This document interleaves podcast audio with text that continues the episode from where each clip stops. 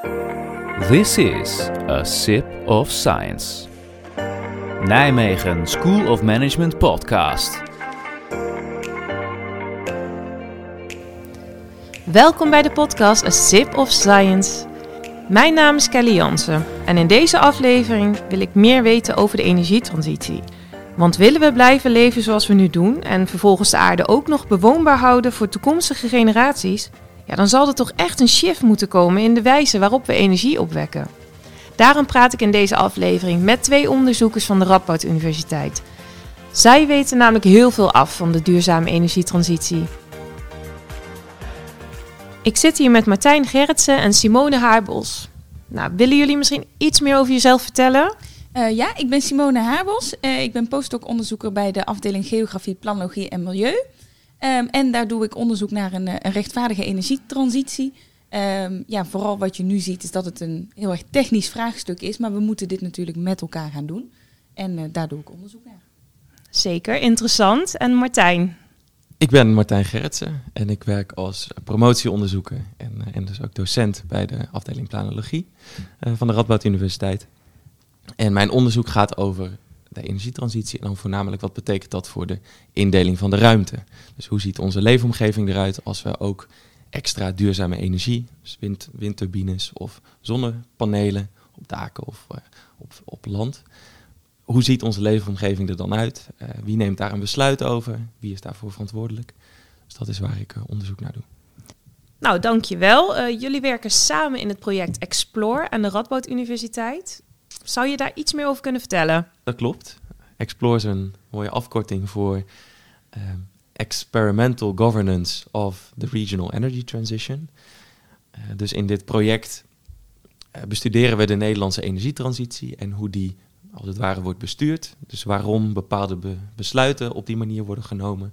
Hoe verschillende organisaties als een provincie en een regio en bijvoorbeeld een netbeheerder en energiecoöperaties met elkaar samenwerken. En in dat project zijn die verschillende partijen ook vertegenwoordigd. Uh, dus naast de universiteiten in Nijmegen en in Eindhoven en in Tilburg um, zijn ook de provincie Noord-Brabant erbij betrokken, de metropoolregio Eindhoven, um, Energie Samen als koepel van alle energiecoöperaties uh, en ook Enexis, de, de netbeheerder in, in Brabant. En het project wordt gefinancierd door, uh, door MWO, dus door de Nederlandse wetenschapsorganisatie. Oké, um, ja, er zitten heel veel partijen in, maar hoe staat het eigenlijk uh, met de energietransitie? Nou, wat nu in Nederland uh, eigenlijk gebeurt, om na te denken over die energietransitie, dat gebeurt veel op het niveau van de regio. Dus sinds 2019 uh, zijn er 30 energieregio's uh, gevormd. Als dit nu geen podcast was, dan had ik een mooi plaatje laten zien met een, met een lappendeken van die 30 verschillende regio's. Sommige zijn heel klein, één of twee gemeentes. Andere zijn ter grootte van bijvoorbeeld een, een grote metropoolregio, Amsterdam of Eindhoven. En soms ook hele provincies. En op elk van die verschillende plekken wordt nagedacht, of is nagedacht in de afgelopen jaren, over waar kunnen we extra windturbines of extra zonnepanelen kwijt. Um, om uiteindelijk ja, CO2-uitstoot uh, te verminderen. Want dat is uiteindelijk het uh, doel. Het Nederlandse nieuwe regeerakkoord zegt dat we 60% moeten verminderen uh, ten opzichte van 19, 1990. dat is zelfs nog iets meer dan de, wat op Europees niveau is. En ja, dus al, al deze plannen die, die liggen er. Um, en toevallig bracht het, het Planbureau voor de Leefomgeving een monitor. Dus die hebben eigenlijk alle plannen nog weer een keer doorgenomen. En um, ja, ik vond eigenlijk dat de, dat de NOS daar wel een treffende kop voorbij had gekozen. Die, uh, de NOS, de, titel van het artikel was... Het klimaatdoel voor zon en wind op land, dat is haalbaar. Maar de stagnatie bij uitvoering, uh, die dreigt. Dus de plannen lijken, of, ja, lijken op veel plekken bij plannen te blijven. En het is heel moeilijk om echt de stap te maken naar ja, een concrete windturbine um, en een zonneveld. Omdat er gewoonweg heel weinig mensen zijn die die kunnen installeren. Op veel plekken zit ook het elektriciteitsnet vol. Dus kun je niet meteen, ook al heb je een zonnepark gebouwd, betekent niet per se dat het ook meteen op het elektriciteitsnet aangesloten kan worden. Misschien zelfs pas over een paar jaar. Um, En ook op heel veel plekken en in veel gemeentes, met name sinds de laatste gemeenteraadsverkiezingen, ehm, zijn gemeentes ook op een andere manier naar met name windenergie en zonne-energie en de plannen in die, uh, van de energieregio's gaan kijken. Dus is er weer meer weerstand als het ware ontstaan. Um, en um, ja, de plannen die er waren, weten we niet of die plannen op dat moment in die gemeente ook nog um, uh, zo blijven staan. dus op allerlei vlakken uh, zijn er eigenlijk nieuwe onzekerheden, waardoor het stuk moeilijker is om daadwerkelijk al die plannen die er zijn, om dus uiteindelijk minder CO2 uit te stoten, ja, om, om die te kunnen realiseren. En um, uh, je gaf aan dat in Nederland uh, die moet 60% uh, gaan verminderen ten opzichte van 1990. En je zei dat is iets meer dan in sommige andere landen. hoe komt dat? Ja, op het Europese niveau, dus de Europese Commissie heeft 55% CO2-reductie afgesproken. En de Nederlandse overheid heeft gezegd: wij, ja, wij, eh, wij, wij uh, we stellen net een iets hoger doel. Uh, we aim higher. En dan, nou ja, hopelijk komen we dan rond de 55% uit in oh, 2030.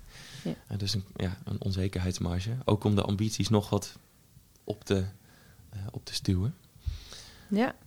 En um, nu ga ik even naar Simone. Wat betekenen ja, deze ambities, deze energietransitie Um, wat betekenen die eigenlijk voor, ja, voor de burger? Mm -hmm. Ja, nou, wat we vooral eigenlijk zien is dat de burger zich eigenlijk heel erg zorgen maakt over wat dit allemaal gaat betekenen. Uh, je hoort natuurlijk dat het duurder wordt, uh, het verpest het landschap, uh, het net kan het niet aan. Het zijn eigenlijk allemaal heel veel negatieve verhalen.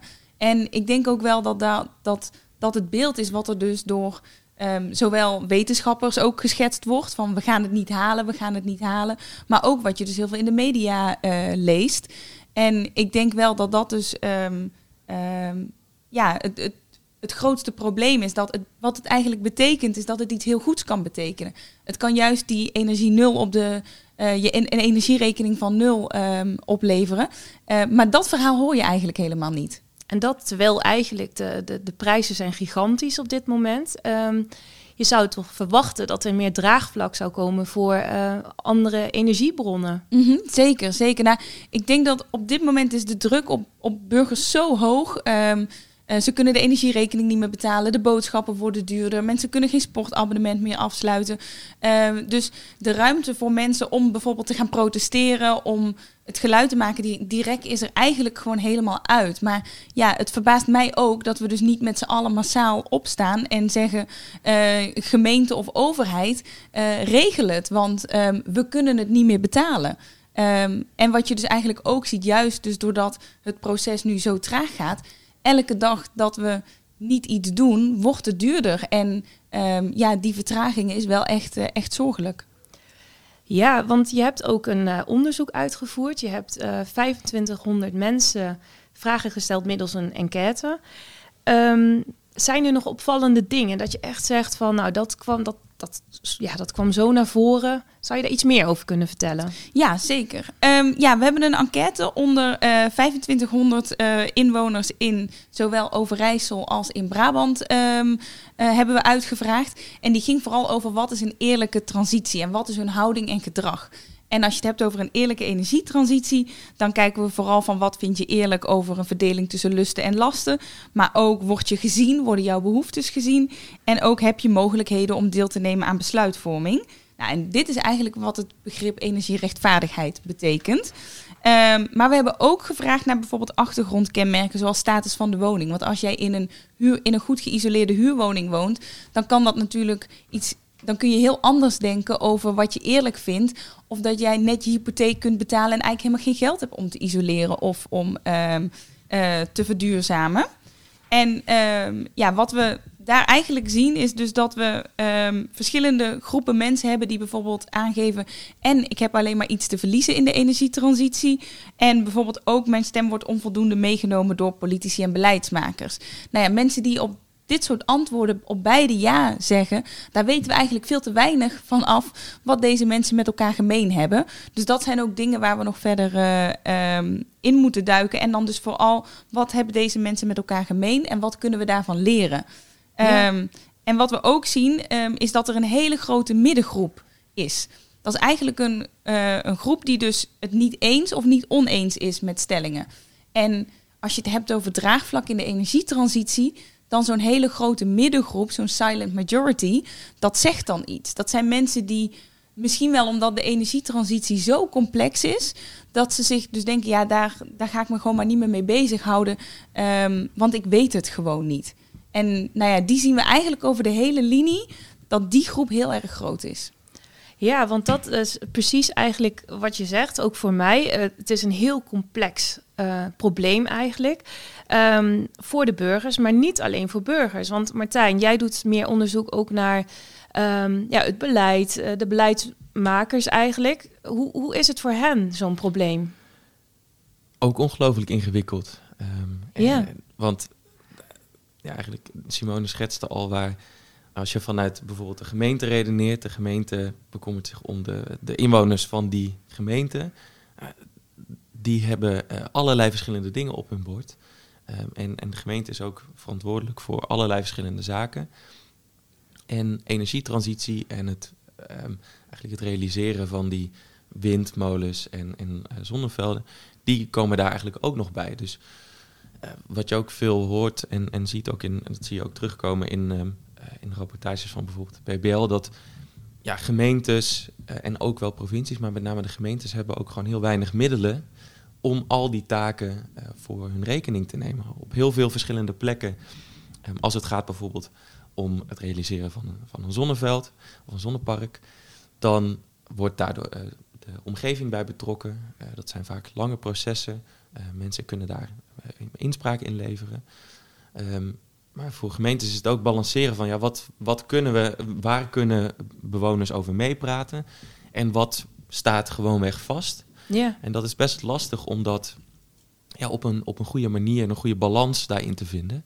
Ook omdat ja, veel van deze vraagstukken toch ook, die zijn politiek. En het proces is in die zin, uh, hoe nu over de energietransitie nagedacht wordt vanuit het beleid gezien, is ook best kwetsbaar. Omdat het dus um, ja, eigenlijk vastzit ook aan de gemeenteraadsverkiezingen, de provinciale uh, statenverkiezingen.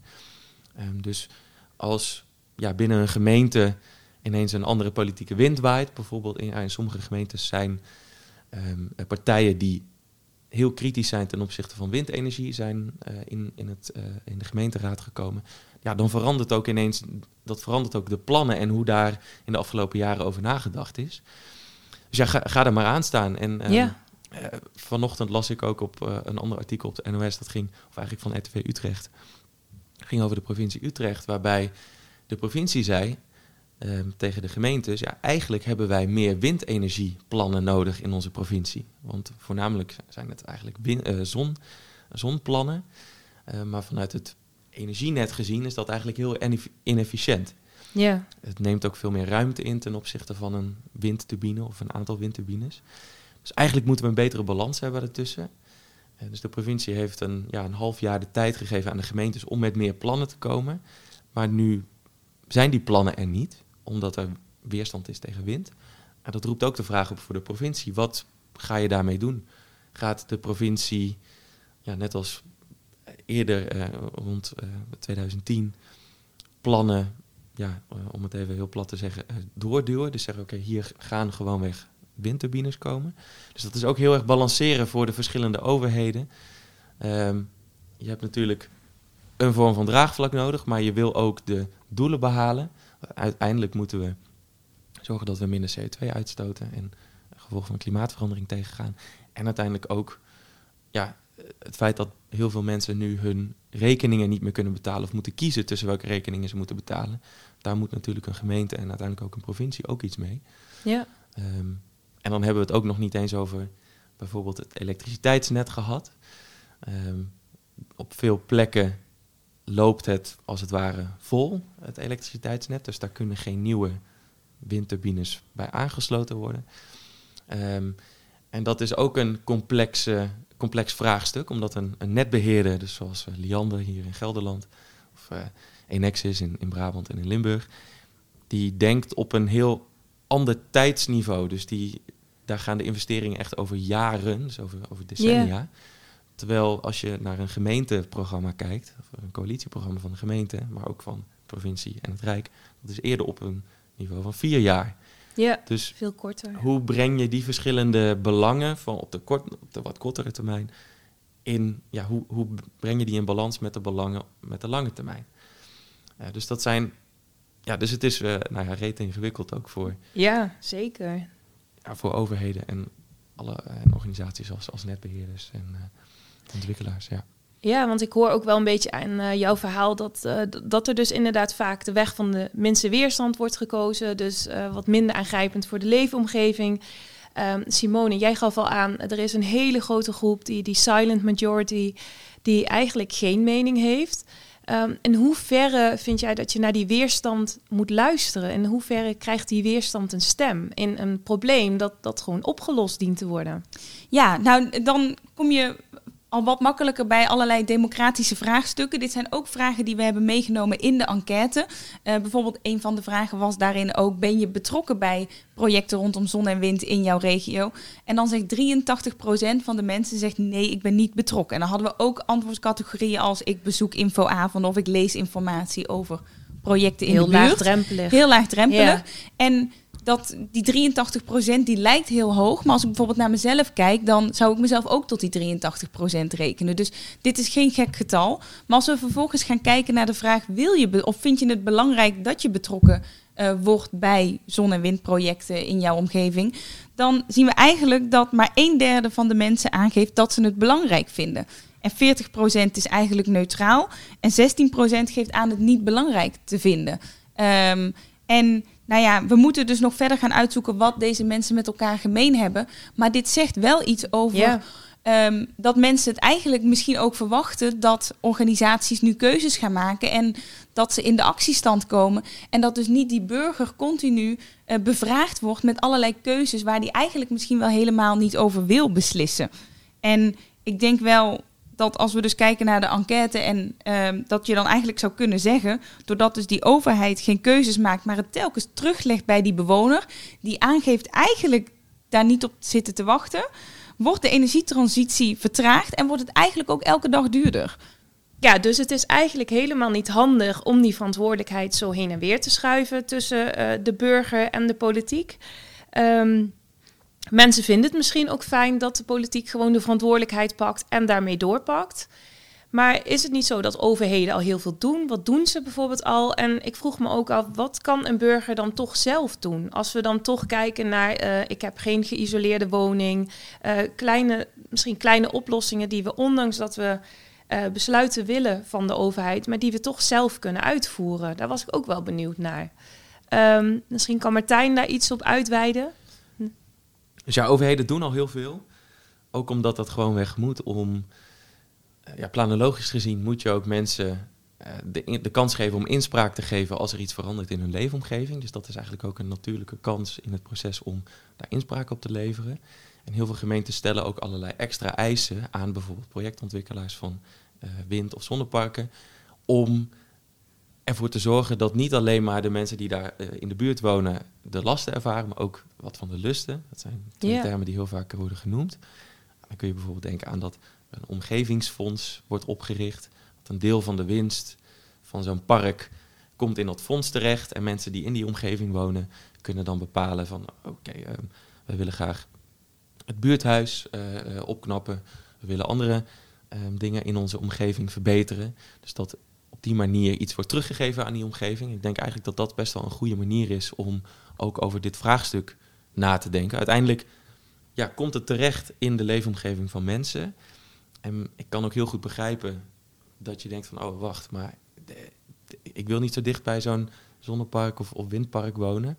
Maar als je ja, ook duidelijk hebt of krijgt van wat je daarvoor terugkrijgt, vanuit een gemeente of misschien vanuit de ontwikkelaar die daarbij betrokken is, dan is het misschien ook gemakkelijker om dat misschien voor lief te nemen, een aantal van de negatieve eh, eh, aspecten.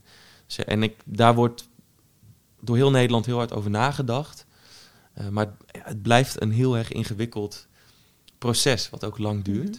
En dat roept ook wel weer de vraag op van ja, moeten we ten opzichte van snelheid of zorgvuldigheid van het proces. Ik zeg niet dat we onzorgvuldige processen moeten gaan ehm, ik zeg niet dat we voor onzorgvuldige processen zouden moeten gaan, maar het roept wel de vraag op, ja, hoe snel willen we dat die energietransitie lukt en blijft gaan?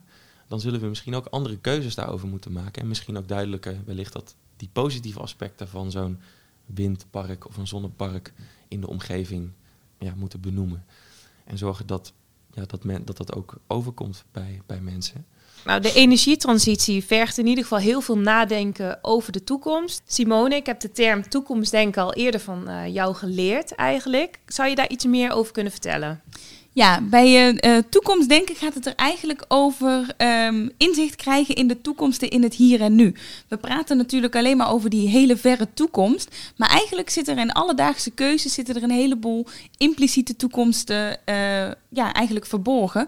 En dan kun je denken aan een gemeente die kiest voor uh, om laadpalen te installeren. Waarmee ze dus eigenlijk laten zien dat zij geloven in een, um, in een mobiliteitstoekomst die draait op elektriciteit. En dus bijvoorbeeld niet op En daarmee sluit je eigenlijk letterlijk de pas af. Maar wat we bijvoorbeeld ook zien in toekomstdenken is de kracht van verhalen. Stel als bijvoorbeeld uh, iemand in een wijk uh, die vraagt een offerte aan voor zonnepanelen en er komt iemand langs en um, ja, die, die installateur die zegt hey, dit dak is niet geschikt. Vervolgens zegt diegene dat tegen de buurman en dan uiteindelijk doet de hele straat niet meer mee. Dit is dan het negatieve voorbeeld, maar we kunnen dus ook, um, als het verhaal positief is, kan dat eigenlijk ook uh, dit soort transities versnellen. Ja, en als ik daarop mag aanvullen, Simone, want ik denk dat het een heel goed punt is wat je aanhaalt. Eigenlijk de kracht van verhalen en hoe je dan over de toekomst kunt denken. Het is misschien een beetje tegenstrijdig, maar de transitie van Nederland, die Nederland heeft doorgemaakt naar het gebruik van aardgas toe. Dus nu willen we juist van het aardgas af. Maar nou in de jaren 60 hebben we in eigenlijk in een mum van tijd, in 10, 15 jaar, door het hele land een enorme aardgasinfrastructuur aangelegd. Uh, nadat eigenlijk de gasbel in, in Slochteren werd ontdekt. Daar zijn, het, daar zijn natuurlijk allerlei nadelen, uh, zien we nu ook daaraan kleven. Maar voor heel veel mensen was dat een daadwerkelijke verbetering van hun leefomgeving. Het was gemakkelijker of schoner om op gas te koken ten opzichte van nou ja, waar ze dan daarvoor op, op kookten. Uh, het was makkelijker om je huis te verwarmen. Dus die positieve kijk op zo'n transitie, die kan denk ik zeker helpen ook om ja, de vaart en de snelheid in zo'n transitie te krijgen en te houden. Dus ik denk dat dat misschien ook de uitdaging is voor nu voor de duurzame energietransitie, om te zoeken naar dat toekomstperspectief. Wat, is, wat, wat trekt ons aan aan die toekomst? Waarom zouden we daarheen willen? En daar wordt door allerlei organisaties over nagedacht. Volgens mij is de kunst voor al die verschillende organisaties, voor gemeentes, voor bewoners, voor netbeheerders, om nou ja, zo'n toekomstscenario uh, te schetsen en te zien, oké, waar kunnen we elkaar vinden en uh, hoe kunnen we samen uh, naar die toekomst toe bewegen. Dat lijken me hele mooie afsluitende woorden. Um, ik wil jullie enorm bedanken voor de aanwezigheid in deze aflevering. Ik heb in ieder geval heel veel geleerd. Um, ja, dus laten we maar opgaan naar die mooie toekomst. Dankjewel voor het luisteren en tot de volgende A Sip of Science. This podcast is provided by the Nijmegen School of Management.